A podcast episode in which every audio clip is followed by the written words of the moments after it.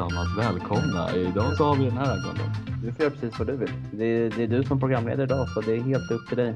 Det är helt upp till mig. Men vad fan Jag vill tycker att det är väldigt soft att uh, presentera en agenda, eller att presentera och välkomna alla gäster. Liksom. Det, Ja, att de känner sig hemma.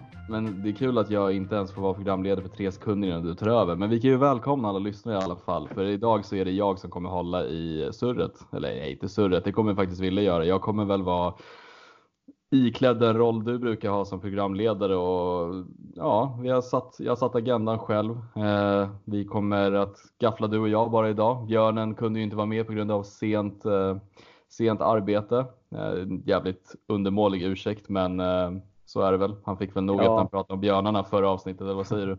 Ja, men sen också att uh, det här med framförhållningen också, för att vi sa ju i torsdags när vi poddade förra veckan att nästa vecka blir det tisdag.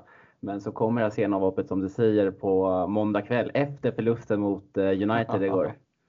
Ja, vad var ursäkten? Sorry grabbar, sent möte kommer nog vara kvar till 20.00. Sen har man inte Ja. hört ett knyst från honom under Precis. hela dagen. Prick den tiden vi börjar spela in också. Det, är, det, det är så riggat så det finns inte. Och så sitter han varje avsnitt och bara ja, jag är som Pedro och jag är som Barkley. Man bara, vad fan sätt dig ner i båten och skärp dig nu björnen. Det är, Nej, han har inte rätt att gnälla. När han sitter med Barolo-flaskan ikväll och kollar Champions League. Det är, men Ja, han är ursäktad. Vi, vi, vi tar ställning istället. Vi är bra på det här. Okej, men eh, ska vi börja lite med matchen igår? Vad, vad känner du rent allmänt? Och matchen igår så känner jag att eh, det, allting hände egentligen på Stamford Bridge.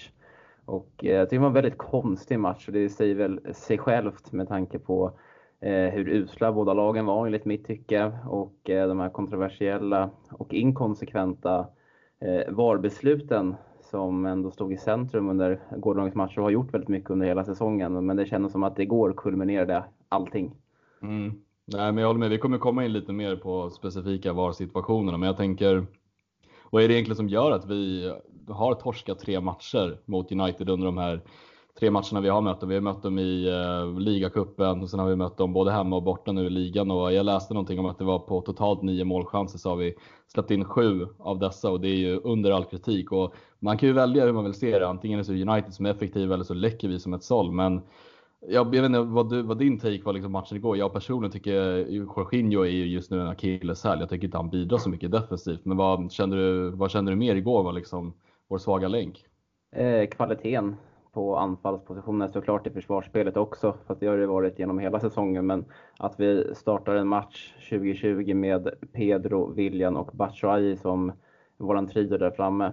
Eh, man, det finns ju ett begrepp som, som heter den här sidledsspelaren, men Pedro han har blivit lite den här baklängesspelaren. Mm. Den här förmågan att bara gå bakåt när han får bollen, det har vi konstaterat förut också. Men han, det, det händer ju ingenting, det händer ju ingenting kring honom. Och ändå var han bättre än William, där, där, där, som, som, som inte fick något rätt under Mm. gårdagen. Men jag vet inte vad det är som gjort att vi har gjort svårt mot United, men jag tycker att man, att man ändå kan hylla kanske lite United för att eh, de har ju visat sig vara väldigt bra mot, mot de övriga topplagen den här säsongen. Sen går de ju att torska mot Burnley hemma sen, såklart. Mm. Eh, Ja, men det- men de är var- väldigt, ja Nej, kör vidare. Sorry. men väldigt effektiva tycker jag i sitt, eller de stänger ner väldigt bra mot, eh, sina, mot, sin, mot, mot sina motståndare mot i de övriga topplagen. Men jag känner ändå att det går så faller vi ändå på grund av ett, den bristande kvaliteten framför mål. Och, ja, det är bara att kolla på de där tre spelarna som jag laddade upp. Jag tycker inte att de, de håller inte riktigt på den här nivån.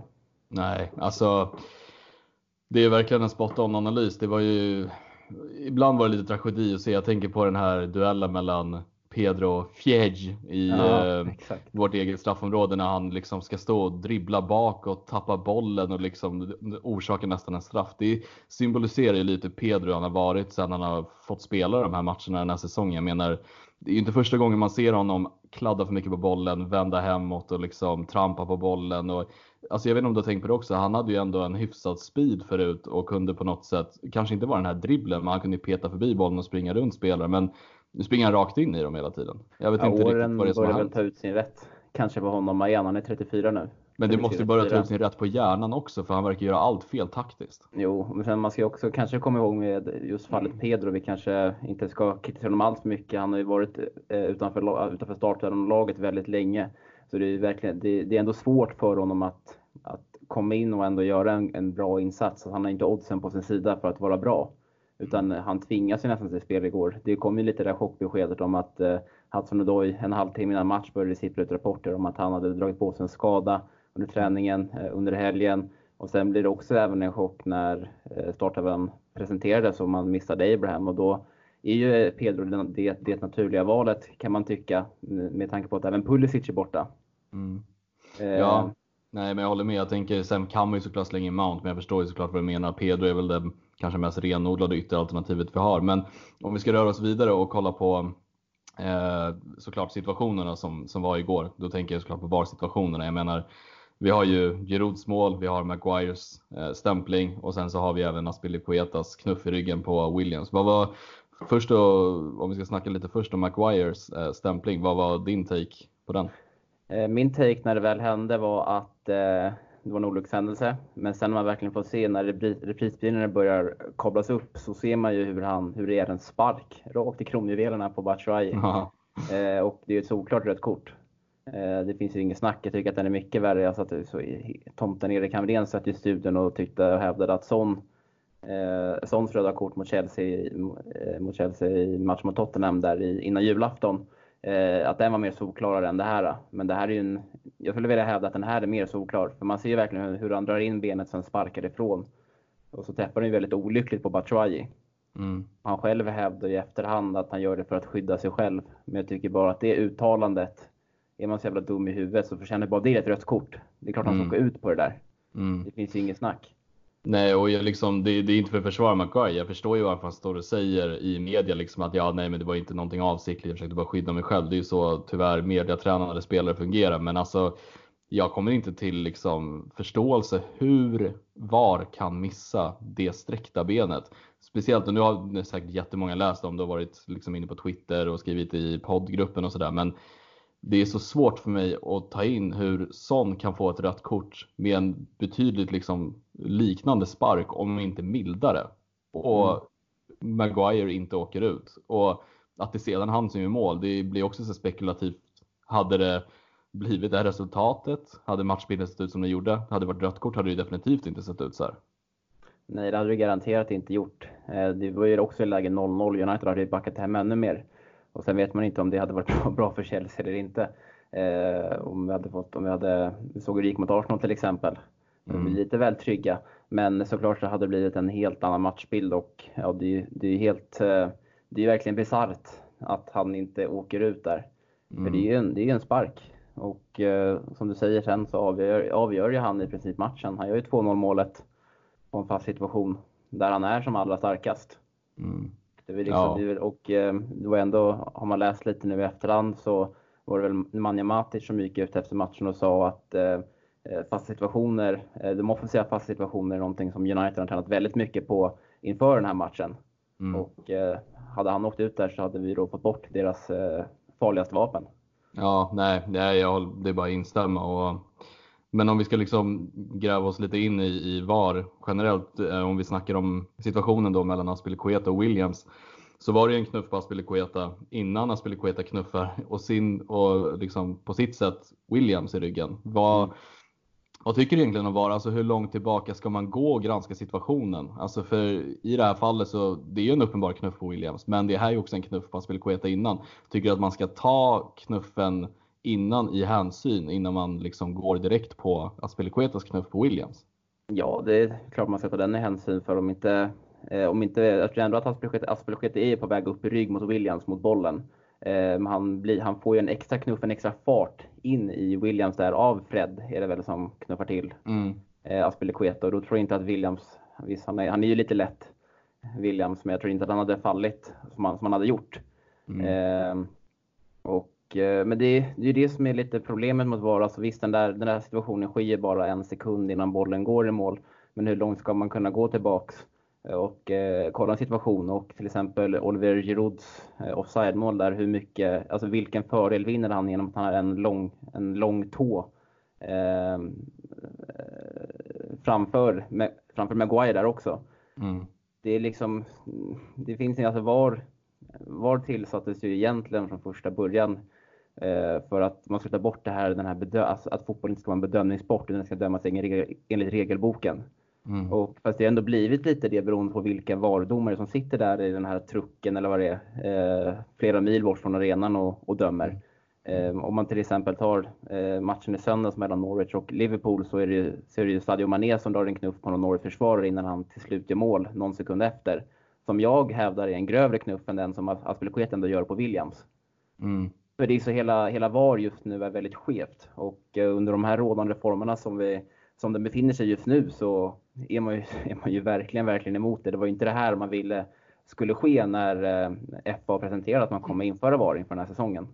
Nej, nej men jag, jag såg att du var ute och svingade på Twitter. Ja, man följer ju även dig också på Twitter och där kunde man ju se att du klagade på att det var inkonsekvent och det är väl någonting jag också kan relatera till. Jag kan ju dock liksom köpa att det är offside på Giroud oavsett om det är en eh, nagel eller inte så, så är det ju så offside-regeln funkar. Problemet för mig blir ju bara att Alltså det, det som gör mig mest irriterad, jag, jag fattar liksom när domslut har gått emot den tidigare när VAR inte har funnits att det är störande. Men det är också så här, för mig är det så här, det mänskliga ögat. Ibland gör man misstag och ibland gör man inte det. Eh, och det jag liksom jag tycker det är också en del av charmen med fotboll att man har kunnat sitta och varit irriterad över domslut hit och dit. För ibland får man med sig, ibland får man inte med sig. Men när det blir liksom den här bedömningen på centimetern varje gång och att det blir aldrig någon flow i matchen utan det liksom hela tiden stoppas upp. Jag kan ju bara tänka mig spelarna på planen till exempel. Det, det blir eufori när Giroud gör mål, det blir eufori när Zuma gör mål.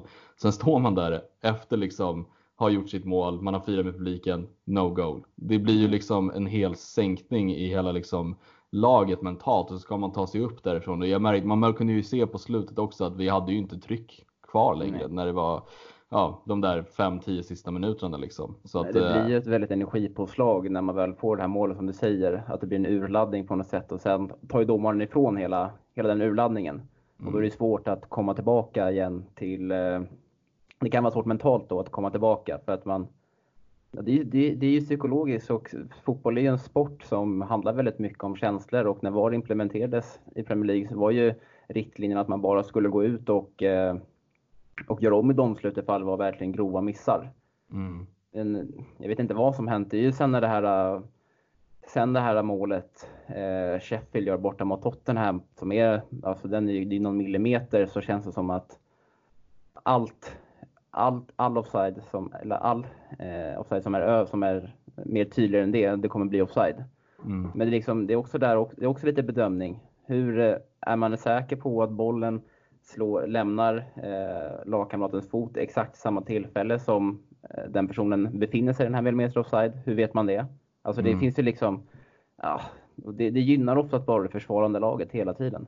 Mm, nej, men det kunde man ju se på Girouds eh, situation också, att det fanns ju en vinkel att visa för tv-bilderna och det var mm. ju den som låg i linje i det exakta eh, vad ska man säga, momentet som bollen slås. Men vi vet ju inte heller om det är det exakta momentet utan det är ju liksom deras take på när bollen lämnar foten på den som passar till eh, Giroud. Så Exakt, att, eh, Giroud kommer ju väldigt hög fart in i den situationen också. Så det mm. handlar ju bara om en millisekund. Men om vi glider in lite på Giroud då. Eh, vi behöver inte kanske snacka om Batshouis match. Det var ju liksom det var ju som det var. Vi hade ju några, jag hörde ju några spridda budrop, eller burop på arenan åt honom när han byttes ut och det var lite Ja, det var vad jag fick läste på Twitter så var det väl lite en del av publiken som skrek lite mot Batshuayi under matchens gång med tanke på hur urusel han var. Eh, men eh, om vi ska snacka lite om Giroud som äntligen fick, fick några minuter nu till sist. Vad, eh, vad kände du att han bidrog med? Jag tyckte ju själv att han bidrog med mer än vad Batshuayi gjort sedan Ajax-matchen. Ja, det typ hela ju, säsongen. Ja, det gjorde han ju garanterat. Batshuayi har inte gjort så mycket. Det är ju det där målet mot Ajax och sen så hade han ju ett fint mål mot, mot, mot United där i ligacupen. Mm. Eh, annars har han ju inte uträttat så värst mycket. Eh, men man förstår ju, om vi ändå, eh, men om vi går in på Giroud då och lämnar Batshuayi så Eh, så, tycker man ju ser att eh, jo, han fick inte så mycket tid på sig, kom in i ett 0-2 eh, underläge när hela Chelsea är dåligt. Det är väldigt svårt kanske att uträtta någonting då på egen hand. Framförallt med den spelartypen han är. Han är ju ingen sån som löser det på egen hand så att säga. Men ja, han blev ju genast mycket farligare. Den här löpningen som han tar som eh, målet som blir borta för oss, det är en löpning som Batshuayi aldrig hade tagit. Han är oftast fastklistrad i, i, i straffområdet. Och Eh, det kändes ändå lite farligare när Giroud, kom in. Man liksom ledsnade lite på Batshuayi och man förstår varför, varför Frank Lampard väljer att, eh, eh, spela Abraham på sprutor framför Batshuayi. Mm. Men det är ju, det är ju, det är ju som vi som vi varit inne lite på tidigare som kanske har skett mellan Frank Lampard och Kovacic att det kanske har varit en liten eh, en liten schism dem emellan. Men är det två personer inom Chelsea FC som det är verkligen är en schism, en schism just nu emellan så är det ju Giroud och Frank Lampard. Mm. Jag att Giroud är väldigt pissed över att han inte fick lämna i januari när han hade så konkreta eh, bud och, och ett så pass konkret intresse från både, från, från både Inter och Lazio och även Tottenham var ju där och norpade i sista sekund. Och ett EM som kommer nu till sommaren och han är längst bak i rangordningen i Chelsea. Men med tanke på Batshuayes insats igår, Abrahams skada som vi inte vet så mycket om, så borde ju Rod rimligtvis gå först på lördag.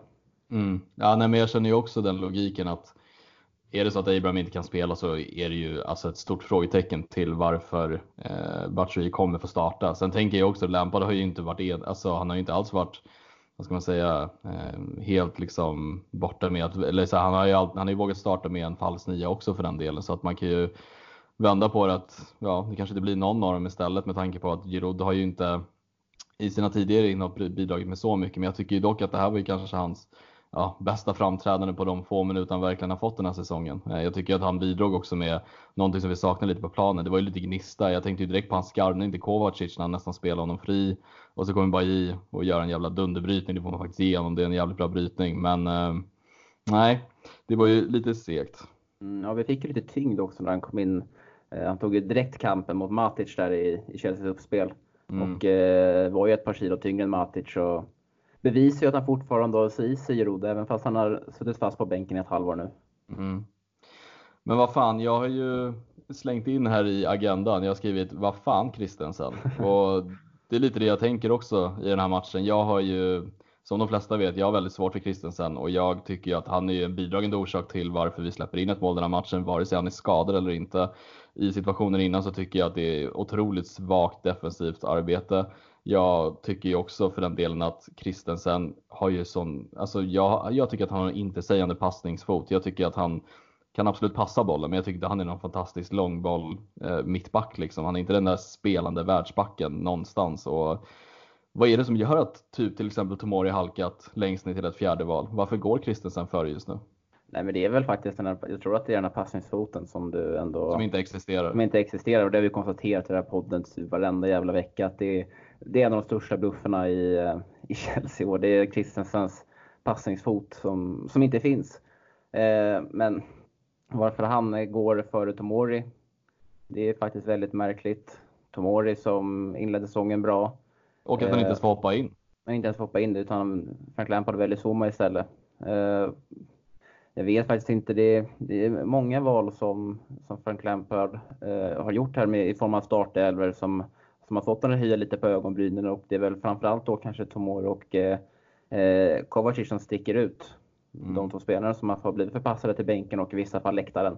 Mm. Men, ja, men vi har varit inne lite på det också under sommaren och Christensen, alltså Frank Lampard vill ju spela, vill ju, ha, vill ju sköta, att mittbackarna ska sköta upp spelen tillsammans med eh, djupt sittande mittfältare. Han behöver den här passningsfoten. Han gav eh, Christensen ett nytt nummer i somras. Nu ska vi börja om på ny kula. Glöm det som har varit. Men har verkligen inte fått ut det. Och, eh, det känns väl ändå som, alltså, kanske som att Rydiger är fast som, eh, som vårt första alternativ. Vilket har visat sig vara rätt självklart när han kom tillbaka från skadan. Och sen bara en teori, han kanske tycker att eh, Christensen passar bättre tillsammans med Rydiger och Rydiger passar bättre med Christensen och att han kanske har Somo och Tomori som han att de två passar bättre tillsammans till skillnad från någon av de andra två, Christensen och Rydiger. Så att kanske har någonting med det att göra. Att de, andra, att de försöker kanske komplementera varandra eh, mm. på ett bättre sätt. Eh, men eh, jag tycker det är helt fel att man aldrig spelar Tomori. Han har varit bänkad väldigt länge nu. Han har inte gjort så mycket år 2020 förutom att han gjorde startade och gjorde mål mot Hall där i FA-cupen. Mm. Eh, men det är, eh, väldigt, det är ett mysterium, men Tomori verkar ändå väldigt ödmjuk i, av det man läser. Det finns ju ingen direkt förklaring, men han läser ju att han eh, att uh, han kämpar på hårt på träningarna och försöker bevisa sig igen för att ta tillbaka sin startplats. Det är väl det man vill höra. Mm. Uh, Frank Lampard hävdar ju att det är en konkurrenssituation, men mer än det vet man ju inte. Jag ser Nej. ju ingenting i Christensen heller som gör att jag håller honom högre än Tomori. Nej, det är väl lite där jag inte riktigt förstår, för jag tänker ju på Tomoris säsongstart. Vi alla satt ju och hyllade honom till skyarna, liksom att det är vår framtida Chelsea-ledande mittback och så vidare och så vidare. Och sen så har han ju sakta men säkert fasats ut lite och det har ju liksom gått så pass långt att han, det var väl efter typ Arsenal-matchen där han var lite, kanske lite, gjorde en av sina sämre matcher som han inte har fått spela så mycket efter det. Det har väl varit några liksom enstaka starter. Sen har det ju varit oftast Rydiger, Christensen eller Rydiger, Zuma. Och um, det är klart, jag tycker ju att de flesta mittbackar i, i vår klubb just nu ligger ju på ungefär samma nivå. Det är väl Rydiger som kanske har en mycket högre höjd när han väl är som bäst. Men Zuma, Tomori, Christensen, det är väl klart att de ligger på en hyfsad nivå tillsammans. Men jag tycker till exempel Tomori har ju en alltså mycket högre potential än både Zuma och Christensen. Men ja, det, jag vet inte, jag tycker det är, det är ett mysterium för att om det är någon som har en passningsfot som är duglig så är det Tomori. Han har ju visat sig våga spela upp bollen lite högre upp i planen än att liksom köra de här sidledspassningarna eller de här långa chipbollarna som oftast går liksom över en ytterback över huvudet. Liksom. Um, det är bara någonting som slog mig, liksom att det, det, är så konstigt att han har varit bänkad nu ett tag, precis som du säger. Väldigt unfair den där Arsenal-matchen också när det var Emerson som eh, eh fick ta smällen för Chelsea usla starter och Tomori fick ju gå ut på högerbacken och blev ju sen utbytt mot eh, Tarek Lamptey. Mm. För Tomori såg ju Fina inte bra ut. Fina Lamptey nu som gör, förhoppningsvis kommer han göra kaos i Brighton men mm. eh, men han, och där bara konstatera att eh, Tomori var ju klappusel som högerback och det, det, är inte så, det, det, är väl inte så märkligt med tanke på att det inte är hans position. Men eh, ja, så det är lite sen den, sen den matchen och sen eh, kombination med att Rydiger kommer tillbaka. Det kanske är så att Rydiger är så auktoritär bland de övriga mittbackarna att, att allting är anpassat efter honom. Jag vet inte. Mm. Och det är ja. ingenting som han har visat sig förtjäna heller under sin tidigare efter han kom tillbaka från skada. Nej, jag håller med. Men om vi ska röra oss vidare lite i agendan så mm, jag vet inte om du såg Lampards eh, postintervju och postpresskonferens efter? Ja, jag såg den inte men jag läste den i efterhand. Mm, den blev ju riktigt, riktigt hyllad. Han, eh, alltså han, det var egentligen, jag, jag, såg egentligen inte helheten så jag var rätt trött och gick och la mig rätt tidigt igår. Men jag såg ju att han var väldigt lugn som han brukar vara, rätt auktoritär och liksom förklarade att eh, han var väldigt besviken. Han var väldigt spot on på VAR-besluten. Att liksom Maguires tackling ska vara ett rött kort medan Girouds kan han förstå och så vidare. och så vidare. Jag såg att bland annat Gusten Dahlin var ute på Twitter och hyllade Lampard för hans presskonferens säsongen igenom. vilket i sig kanske inte är ett högt meritvärde men det tyder ju på att eh, många andra verkar plocka upp att Lampard är bland de duktigaste tränarna kanske i, i media. Vad, vad känner du om det? Ja, men eh, det har vi, har vi ju konstaterat förut att vi tycker att han är väldigt genuin och verbal och, eh, och ärlig i sina eh, resonemang och sitt tyckande på, på de efterföljande presskonferenserna och i media generellt. Mm. Det är liksom, mm, tänk om det hade varit Antonio Conte eller José Mourinho som hade tagit presskonferensen efter den här matchen. Det hade ja. ju, de hade gått ut och spelat Allan Ballan liksom. Mm. Men Lampard, alltså man, och det tycker jag ändå, det ska man ändå hylla honom lite för, hans professionalism. Mm. Det, vissa vill inte sitta och påstå att eh, José Mourinho inte är professionell, utan han, det finns ju alltid en tanke i allt, i allt han gör. Eh, men ibland kanske topplocket kan gå, vilket mm. hade, bevis, hade nog gjort efter den här. Men ja, det, han, han ser ju ändå liksom från ett par, eh, man säga, vi, du och jag sitter ju med våra Chelsea-glasögon på här och tycker att allting är ett jävla helvete. Mm. Det tycker Lampard bevisligen också, men han kan ändå förstå vissa av de beslut varför det inte blev som det blev. Jag satt till exempel i soffan när Giroud eh, gjorde mål där och var som supporter och tänkte att fan, han måste ju släppa den här med tanke på att eh, han, eh, även fast det är offside, så måste han släppa den här för tanke på Aspelikuetas knuff där och Maguires uteblivna röda kort. Så måste den här ändå gå med oss nu. Mm.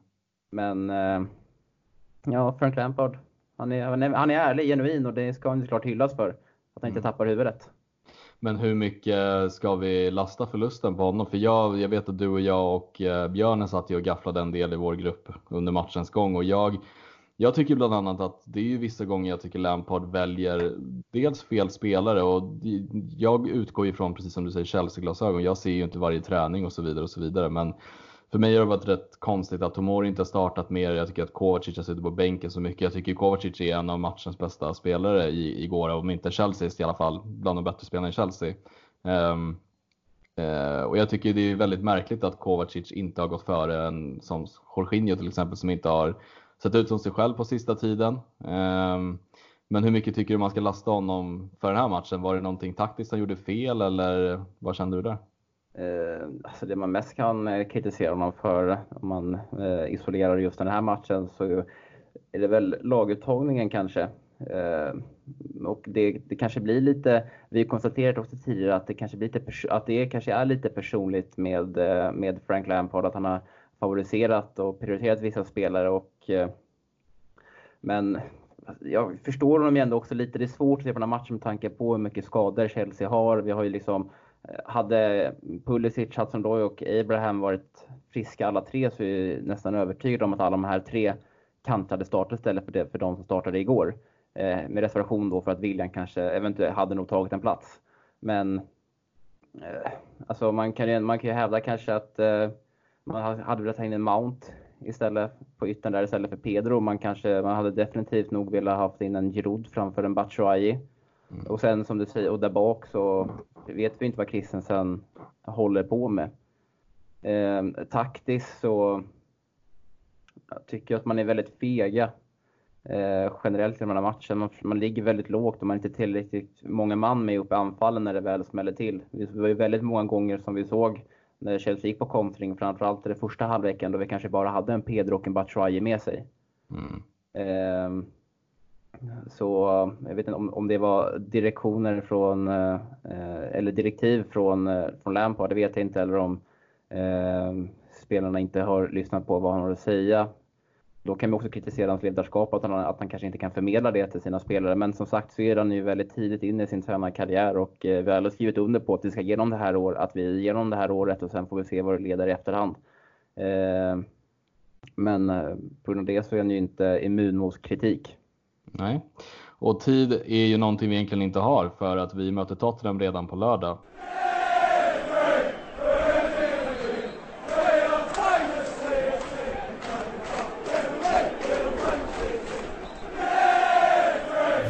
Ja, och Tottenham är ju ett lag vi möter på lördag.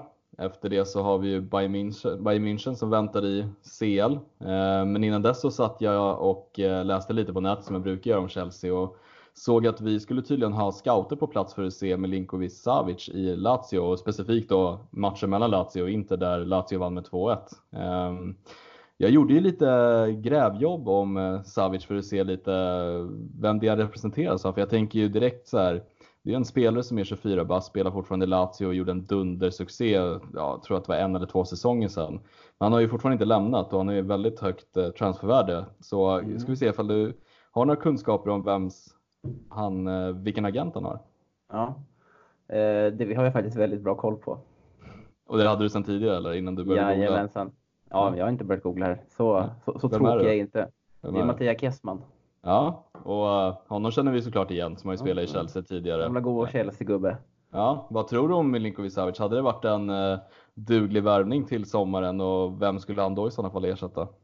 Ja, det är väldigt, eller alltså, det är en uh, ruskigt bra fotbollsspelare. Jag såg inte matchen i, i söndags, men uh, har ju läst i efterhand att han var ruskigt jävla bra den matchen med Milinkovic Savic. Men det har väl varit, varit en, intressant, eh, en intressant värvning och det har ju känts som att Chelsea varit ute lite efter en, en till central mittfältare. Om man går tillbaka till januari så med eh, Somaré bland annat. Mm. Eh, men vem man ska ersätta, så det har ju varit, det sipprar ju lite bland, Eh, bland vassen att eh, N'Golo Kanté kanske kommer lämna till sommaren och då hade väl Sergej Milinkovic Savic varit en alldeles utmärkt ersättare som att eh, eh, han, erbjuder, han erbjuder ju någonting framåt, skulle jag vilja hävda, som kanske inte N'Golo Kanté gör. Även fast jag såklart mycket hellre behåller Kanté framför en Milinkovic Savic. Där fast N'Golo Kanté kanske bidrar lite mer i den defensiva, eh, i det defensiva arbetet. Mm. Men eh, ja, om vi ska bara ta lite snabb statistik. Han har ju spelat 23 matcher, gjort 4 mål och 5 assist den här säsongen och han som sagt har väl haft en lite, liten svagare säsong eh, just den här säsongen. Men tidigare så hade han ju ett jävligt bra målsnitt och poängsnitt. Ehm, och han hade ju ett transfervärde på 70 miljoner pund har han just nu. Eh, och jag tror att det var förra sommaren eller förra, förra sommaren han ryktades för runt miljarden men det, det hände inte så mycket. Och ju längre tid det går desto mer så sjunker ju värdet eftersom kontraktet löper ju ut sakta men säkert. Så Hur långt har han kontrakt? Eh, oj, bra fråga. Vi kan se, jag har han här uppe. Det ligger fram till 2024 så det är ju ändå ett ganska långt kontrakt. Det är fyra år kvar. Eh, så att han har ju troligen förlängt det då för kanske några år sedan, något år sedan. Men det är väl också Manchester United som har varit eh, den klubb som det ryktats mest om, eh, mm. om Milinkovic Savic. Och, eh, nu när de har varit in Bruno Fernandes på den positionen så, eh, så öppnar det väl upp för andra klubbar där bland Chelsea, som du säger, var att scouta eh, på Olym vad heter det, Olympico. Ja, Stadio Olimpico. Stadio Olimpico i Rom där. Mm. Ja, nej definitivt. Och det är väl liksom det enda man kanske tänker lite parallellt är att Savic är en 1,90 mittfältare, offensiv, rätt kraftig och ändå liksom ganska snabb. Han påminner lite om Ruben. Det är väl att vi kan väl ha två ganska snarlika mittfältare då i det fallet. Och Björnen kanske inte tycker om det här surret om Savic, så vi får väl se egentligen vem som är den bästa av de två. Men det är absolut ett, ett roligt rykte jag kom över och det är inte första gången vi har tagit upp eh, Savic i podden heller. Han har ju ryktats flera gånger till oss i olika vändor liksom. Mm, ja, men det är vet inte mycket man ska hur mycket substans som finns i det. Alltså självklart har Norrköping varit där och scoutat, men det är ju liksom den, det första steget i en väldigt lång process. Um, så vi får se. Men det hade väl i alla fall varit en spelare som kanske hade höjt Chelsea, även fast man inte tycker att uh, det, det centrala mittfältet det är, är där vi borde värva och förstärka. Nej, men om vi pratar om det centrala mittfältet så kan vi glida över till eh, Ruben Loftus-Cheek som, eh, som är på G tillbaka. Tror du att han eh, hinner friskna till innan Bayern München till exempel? Eh, svårt att säga. Jag tror inte det faktiskt. Så jag tror, han, eller jag tror att, han, att han definitivt inte kommer vara aktuell här de kommande två matcherna mot Tottenham och Bayern München. Eh, framförallt med tanke på att han skulle spelat igår mot Arsenals eh, U23 men mystiskt nog så var han inte med och det finns ju ingen förklaring till det heller. Om inte, eller har du kommit över någonting där? Nej, det var ju lite det jag undrade ifall du hade någon aning om. För jag försökte sitta och gräva lite bland kadrarna och generellt lite, men det kom inte uppgifter om att han skulle vara sjuk eller skadad eller någonting liknande, utan det har inte kommit ut någonting om det. Och det kan jag också säga var ganska negativt att man inte har gått ut med någonting än för att man kanske vill, ja, jag vet inte, skicka honom på någon läkarundersökning och se ifall det är någon allvarlig skada eller något sånt. Det vet vi inte. Ehm, men det är svårt att säga. Det känns ju lite oroväckande att det har tagit mer än en dag att få ut information om honom. Ja, fast det kanske man ändå ska eh, ändå uppskatta med tanke på att eh, det är inte någon som läcker inom Chelsea till, till Corona. Det är väldigt, att dörren till Coban är väldigt stängd och att det inte läcker ut information. Sen kan vi kanske vända lite på det också att han kanske vilades igår mot Arsenal 23 för att han har gjort extrema eh, framsteg i sin rehabilitering och kan vara aktuell mot Tottenham redan på lördag. Det vet man ju aldrig. Nej, fan vad du bygger upp en stämning för lyssnarna. Nu får du fan... Vågar du betta på det eller? Nej, det vågar jag absolut inte göra, men eh, man, kan, man, man får ju... Vi har varit väldigt pessimistiska nu efter United-matchen, så man kan ju få vara lite optimistisk. Ja, nej, jag håller med dig. Men eh, innan vi ska möta Bayern så har vi ju Tottenham på lördag. Vi kunde ju läsa att eh, Jong Min Son har ju brutit armen kommer mm. inte komma till spel. Vi har ju också våra spelare som är skadade. Vi har ju Pulisic som har börjat träna nu med U23. Vi har Callum Hudson-Odoi som skadades inför matchen mot United och sen har vi då Ruben och så får vi inte glömma fina, fina van Ginkel också. Ja, men han gör väl eh, framsteg han med va? Ja, det ryktas ju ja. om det och jag läste ju Filip Wåhlin på Svenska fans hade mm. ju skrivit en fin liten artikel om honom om att hans högsta dröm är ju att komma tillbaka till PSV igen fram till sommaren. Hans kontrakt går ju ut nu den här sommaren så att Troligen blir det ju ingen kontraktsförlängning. Han har ju spelat, jag tror att det är fyra matcher sedan han kom till Chelsea eller något sånt och det var ju för över två år sedan han gjorde en match. Ja, en eventuellt fin karriär som blev lite grusad på grund av skador. Men läsa någon riktig miss här, du vet eh, fotboll.london. Mm. Jag la ut någonting, jag kommer ihåg att jag rekade lite det för förra poddavsnittet, att eh, han hade lagt ut någonting på Instagram att eh, han var redo, eller att han var i princip redo för spel la de ut, var det den ja, början av, eller i slutet av förra veckan i onsdags någonting. Eh, men då hade de ju snappat upp en bild som han la ut i november på sina sociala medier. ja, det, det, är väl det som är lite problemet med media ibland, att man, eh, man hinner dela med sig av någonting som man inte har hunnit granska så jävla intensivt så att säga. Men um, hur tror du förutsättningarna är inför Tottenham? Kan vi slå dem? Eh, alltså det, I och med förlusten igår så eh, måste vi slå dem. Vi har inget annat val känns det nästan som. De går ju, går ju för fan om oss ifall eh, de vinner. Mm. Eh, ja, så vi får väl ändå, det är ju alltid tråkigt när spelare blir skadade men Son är väl deras vassaste spelare just nu i Harry Kanes frånvaro. Eh, så att han bröt armen här olyckligtvis, det, är ju ett, eh, det ökar ju definitivt Chelseas chanser att kunna vinna den matchen. Samtidigt så har ju också vi väldigt stora skadeproblem. Vi, har, vi vet ju inte mycket hur allvarligt det är med Hudson Odoi och Abraham och Pulisic kan ju eventuellt komma till spel på lördag. Eh, Kanté verkar vara helt out. Eh, Frank Lampard sa ju att det, att eh, det kunde vara allvarligt med den skadan han ådrog sig igår när han fick lämna efter sju minuter. Mm. Eh, men förutsättningarna känns ändå, med tanke på att båda lagen har, har skador på väldigt tongivande spelare, så känns förutsättningarna väldigt eh, lika för båda lagen. Mm. Såg du senaste matchen mellan Tottenham och Aston Villa? Eh, det gjorde jag inte. Nej, då missade du att Son avgjorde i sista minuten efter en, ja, efter en tavla av Aston Villas mittback. Och det var ju, jag satt ju och såg den matchen och satt och såklart hoppades på ett lika resultat eller en förlust för Tottenham. Men då, då, då stod ju Engels där och missade i mottagningen och Son kontrade in där. Det är det, det Son var... är bra på, de här jävla kontringarna. Alltså. Ja, Snappar han... upp bollarna och han, det är en väldigt komplett fotbollsspelare men han är ju så jävla explosiv och direkt, och direkt mot mål. Vet du, vad dock, vet du vad det är dock? Eh, det är ju en jävla bluff med att Son ska vara typ världens finaste fotbollsspelare. Det är, det är några gånger man har sett topplocket ryka på honom. Ja, det, ja, ja han, har, han, har, han har ju det i sig. Mm. Det är det asiatiska, asiatiska, asiatiska temperamentet som kommer upp ibland. Man kan snatcha till i skallen där för någon millisekund och han gör någonting galet som renderar. Det är väl tre, det är väl tre gånger nu han har fått eh, direkt röda kort för att han har tappat huvudet. Ja, det var väl det är tacklingen på, på Gomes. Sen är det ju Rydiger. Och vad är den sista? Det var mot Bournemouth eh, borta i fjol. Jag kommer inte ihåg. Det var väl eh, Lärma kanske var någon. Det är väl inte helt otippat att det är honom som också har ett väldigt hett temperament. Att de, det var någon skallning där. Ja, herregud Jong Min Son. Nej, men ja, ja, det är en väldigt fin fotbollsspelare. Det ska vi inte sticka under stolen med. Och det är väldigt skönt att han inte kommer spela mot Chelsea. Mot Chelseas skakiga försvar ska så att säga också.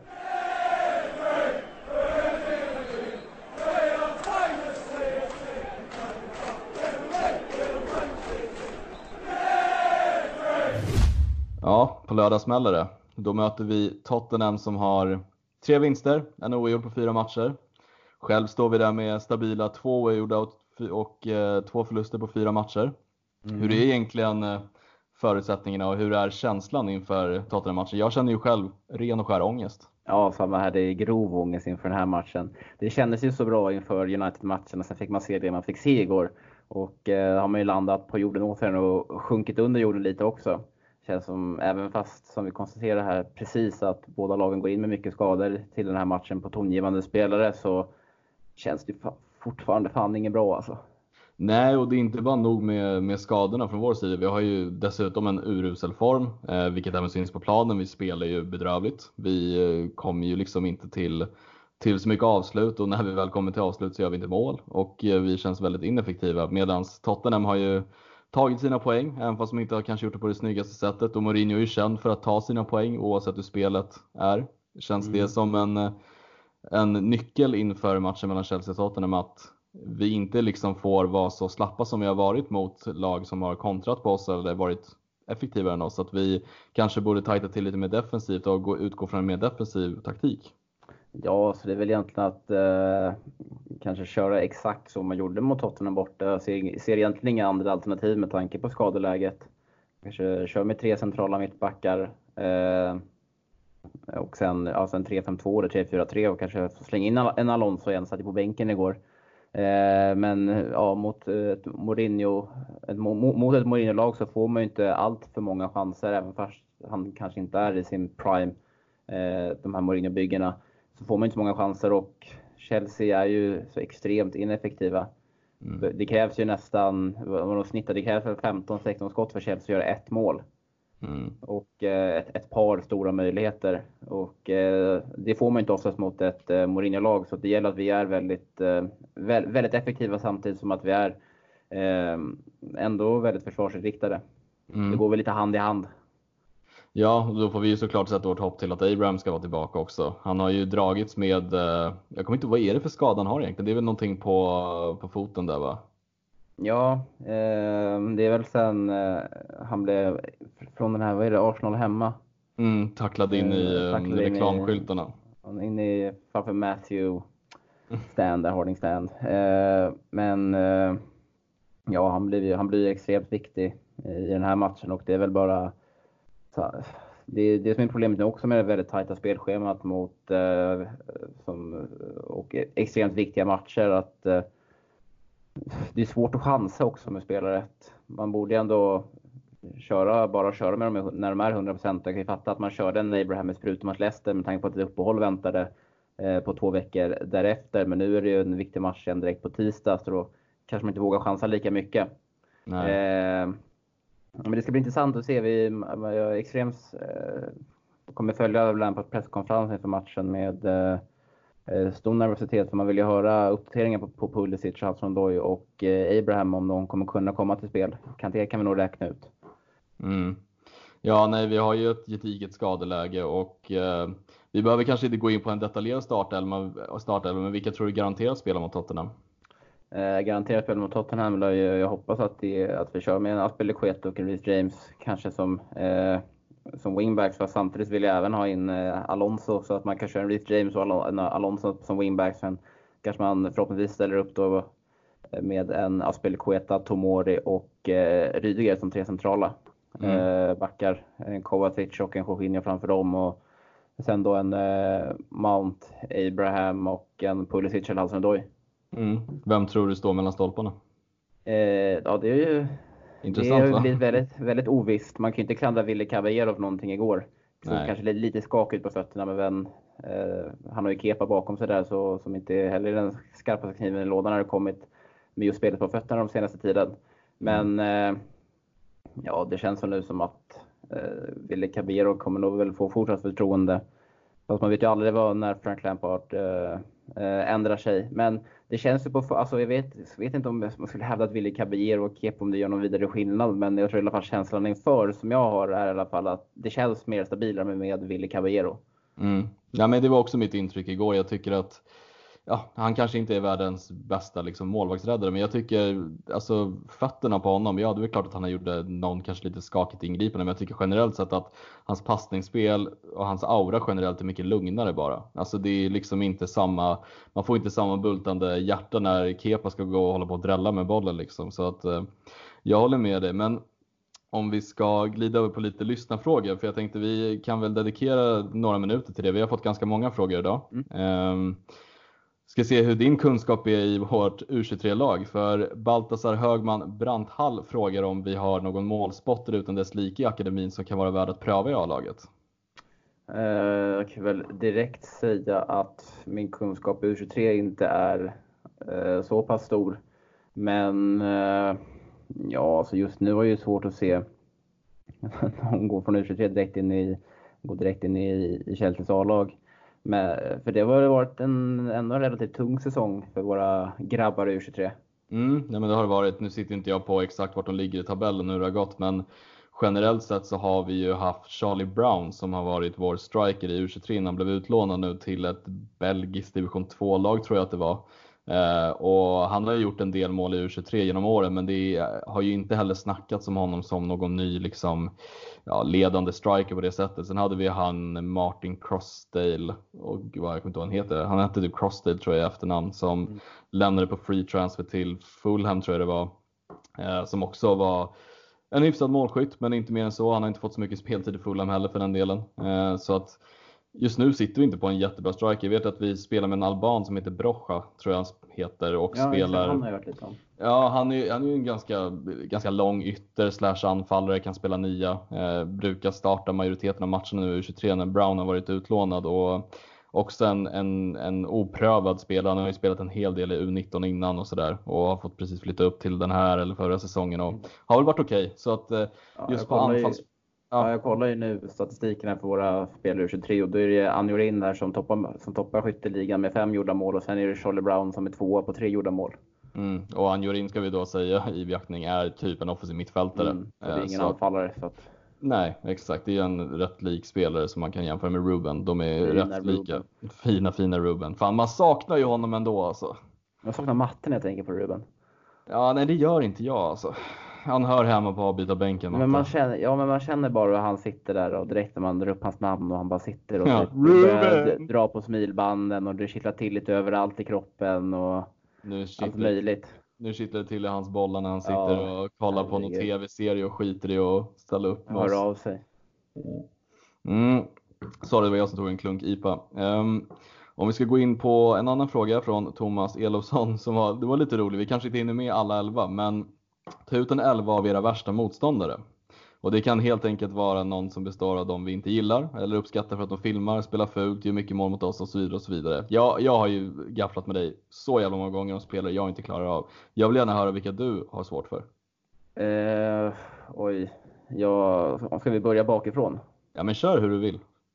Ja, alltså det vi konstaterade lite i, i uh, igår, alltså jag, det är svårt att ta, att ta det på rak arm. Är det, ska vi bara köra Premier League eller kör vi lite Nej, hela, sör, hela världen? Han har bara skrivit alltså, motståndare, så du kan ju ta Premier League eller vad som helst. Ja, Jordi Alba är ju given på högerbacken tycker jag. Det är, ett, en riktig gris, enligt mig. Jag hatar honom. Eh, jag hatar honom verkligen.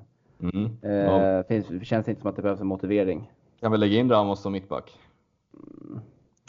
Jag har dock inte så stora problem med Sergio Ramos. Eh, med tanke, alltså jag tänker mest nu här.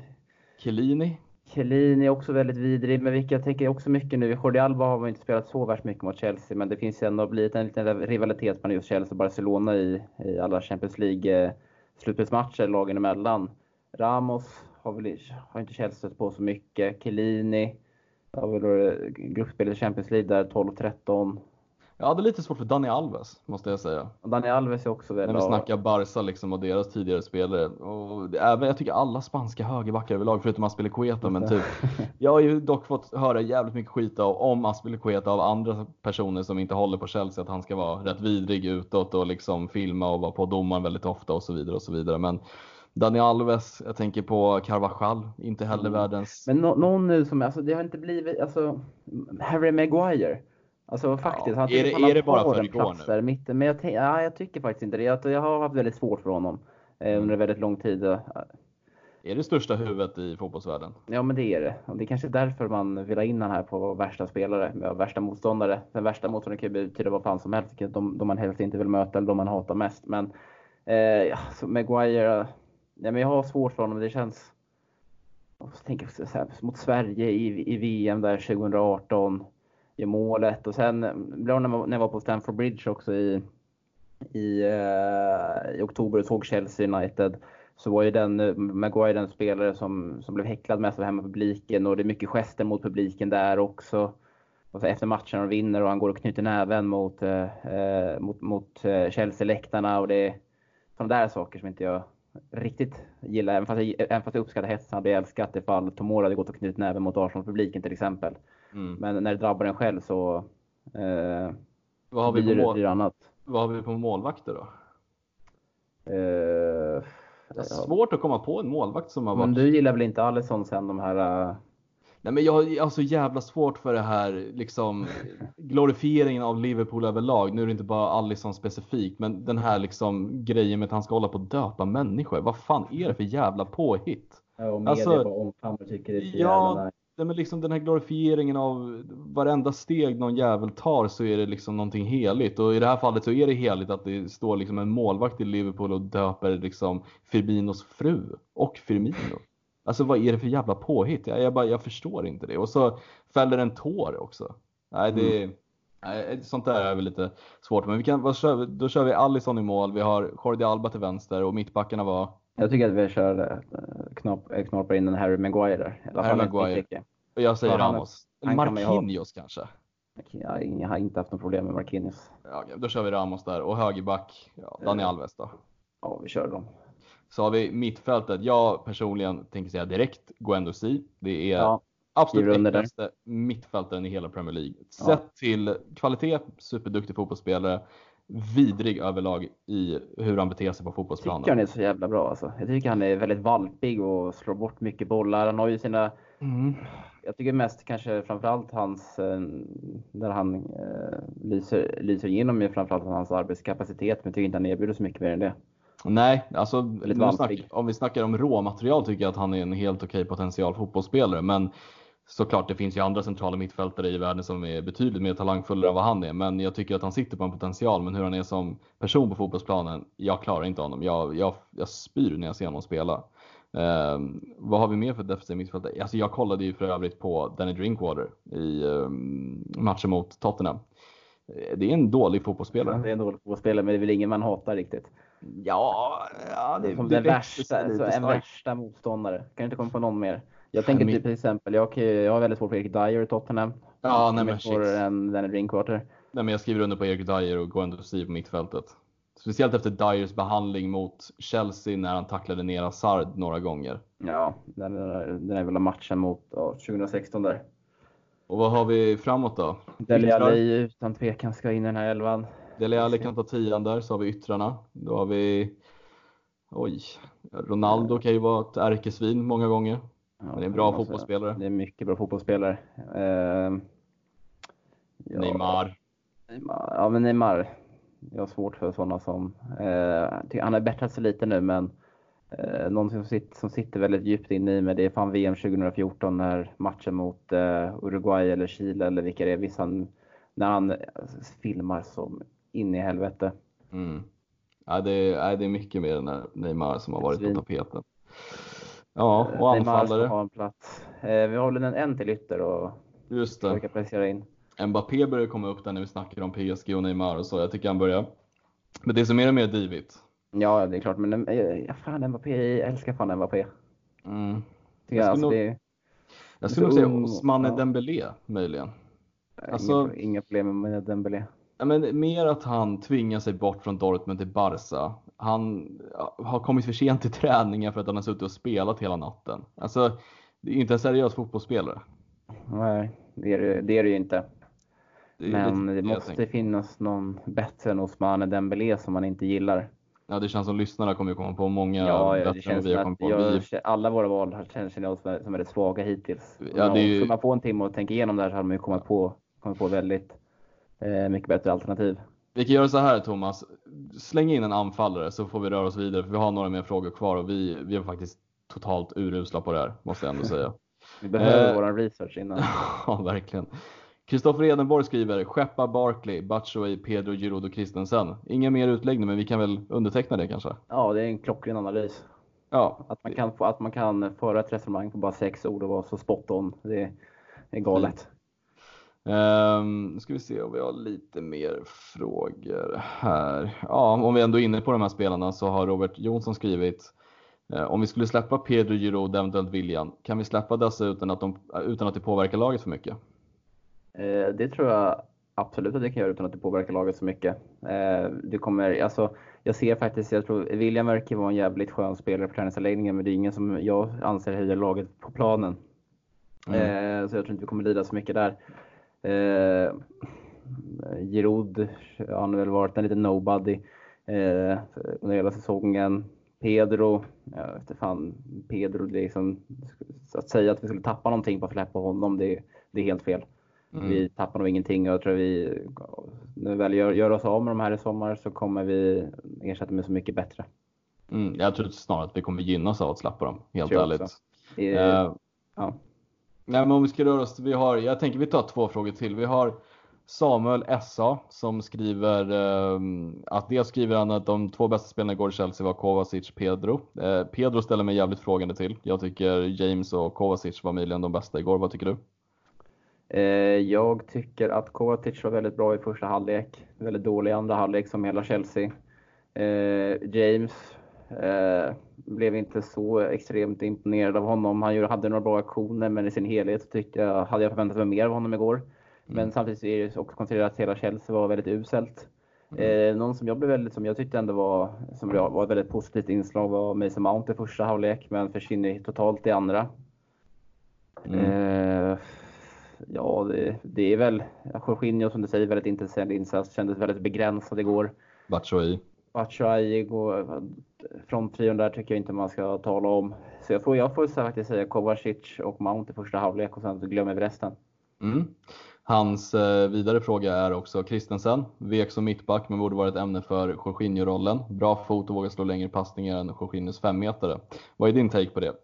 Min take är att eh, inte skulle klara av det. det man får tänka att det på, på ett mittfält så är det bäddar upp för ännu mer fys, ännu, ett ännu mer fysiskt spel. Och det har, besitter liksom inte Christensen, det kan vi eh, vara helt eniga om. Och den här passningsfoten är, tot- är ju totalt en bluff. Jag tror absolut inte att Christensen hade gjort det bättre än Jorginho på den positionen. Mm. Själv då, vad känner du vid den? Alltså, jag tycker för det första som vi har pratat om jättemånga gånger tidigare, jag tycker Christensen inte har en så bra passningsfot som folk säger och jag tycker inte i den rollen att han skulle passa som ett ensamt ankare. Då ska han ju på ett sätt vara en defensiv mittfältare, han ska vara en spelfördelare. Jag ser inte den storheten i Christensen på ett defensivt mittfält. Samtidigt, han har spelat defensiv mittfältare i U23, han har även gjort det i eh, Mönchengladbach när han var utlånad några gånger, men det är inte den defensiva mittfältaren jag skulle vilja ha i ett Chelsea i alla fall. Jag tycker att om man ska spela 4-3 eller 4-5-1 så ska man ha passningsskickliga mittfältare. Jag ser inte att Christensen skulle gå in och dominera på något sätt där. Jag kommer tänka på en match nu mot eh, Tottenham i, var det i eh, våren 2015 i ligacupfinalen. Mm. Spelade vi inte med Kurt Zuma då som defensiv mittfältare?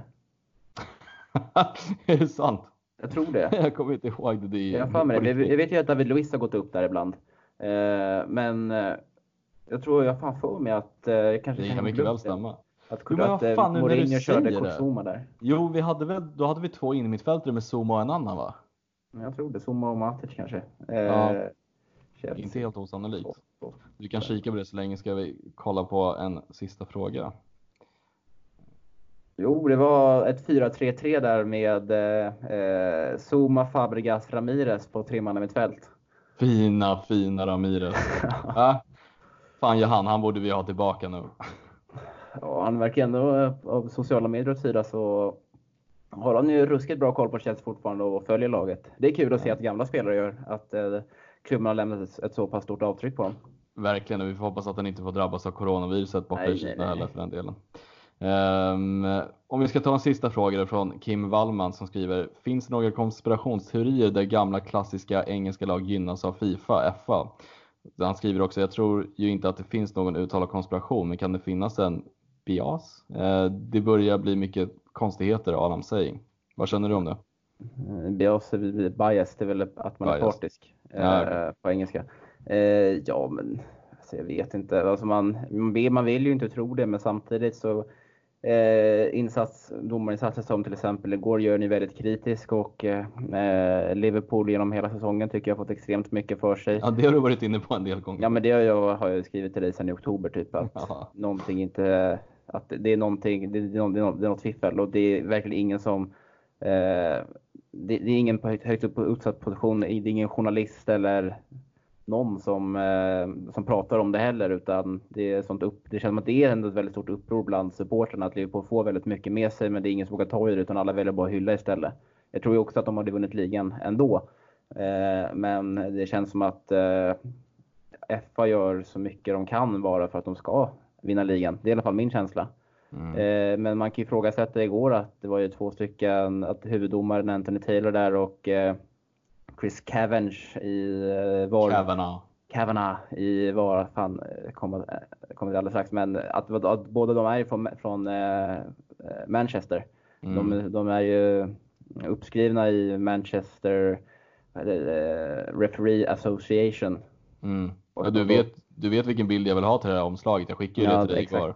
Jag vet, den kommer nog komma på omslaget också. Garanterat 100% för det är så vi känner. Mm. Att eh, vi blev väldigt bortdömda igår och såklart kan det, kan det finnas någonting där i det, i det också. Jag, jag, Anthony Taylor eh, har ingen historik där som jag snabbt kommer på att han har eh, dömt fördel tidigare till, eh, till United. Men han har ju samma frippa i alla fall som Howard Webb och det kanske säger någonting. Och Övrebö för den delen också. Och Övrebö. Det är de här, det är flintisarna som vill döma bort Chelsea. Ja, fan det är katastrof. Men med det sagt så har vi svarat på de flesta frågorna. Vi kanske har missat någon och då får vi be om ursäkt för det. Um, har du någonting mer att tillägga, Ville? Eh, nej, men jag tycker det här var jävligt kul att vi böt lite roller i det här avsnittet. Ja, ni får ju kommentera hur min debut som programledare var. Jag känner själv att det är svag tvåa faktiskt måste jag säga, men finns det kritik både god och eh, dålig, skicka dem till mig så söker jag upp er, svarar personligen. Eh, jag tycker den var bra och eh, jag tycker att det är kul också. Eh, jag älskar ju när vi sitter vi tre, du, jag och Matte, men jag tycker även det är kul när vi bara är två för det känns i alla fall jag som, som är programledare då under när vi är tre inte har så mycket utrymme att säga någonting. Så att Nej, ifall vi är två då får man ju öppna, öppna käften lite oftare. Nej men det var ju det jag sa innan avsnittets början att eh, idag får du gaffla loss och så får du hålla låda. Jag tycker du skötte bra. Du, du, jag är, du är ändå lite van vid den rollen sedan tidigare innan du blev programledare efter Ja. King Donny lämnade Ja, tronen men till dig. Jag har varit väldigt taggad på det avsnittet hela dagen faktiskt. Mm, Eh, att var skönt. Kul att sitta och gaffla.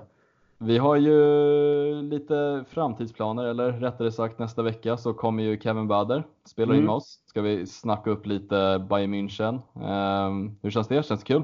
Ja, det känns väldigt kul. Han har ju, det är en, det är en eh, person som har extremt bra koll på den tyska fotbollen och eh, generellt, men Bayern München tar ju, tar ju mest plats där så att eh, det är det laget som eh, jag tror de flesta har koll på mest där i Tyskland. Och, eh, så vi kommer såklart ge alla förutsättningar inför den matchen och eh, Bayern München som klubb och hur deras säsong har sett ut och varför det har sett ut som det har gjort.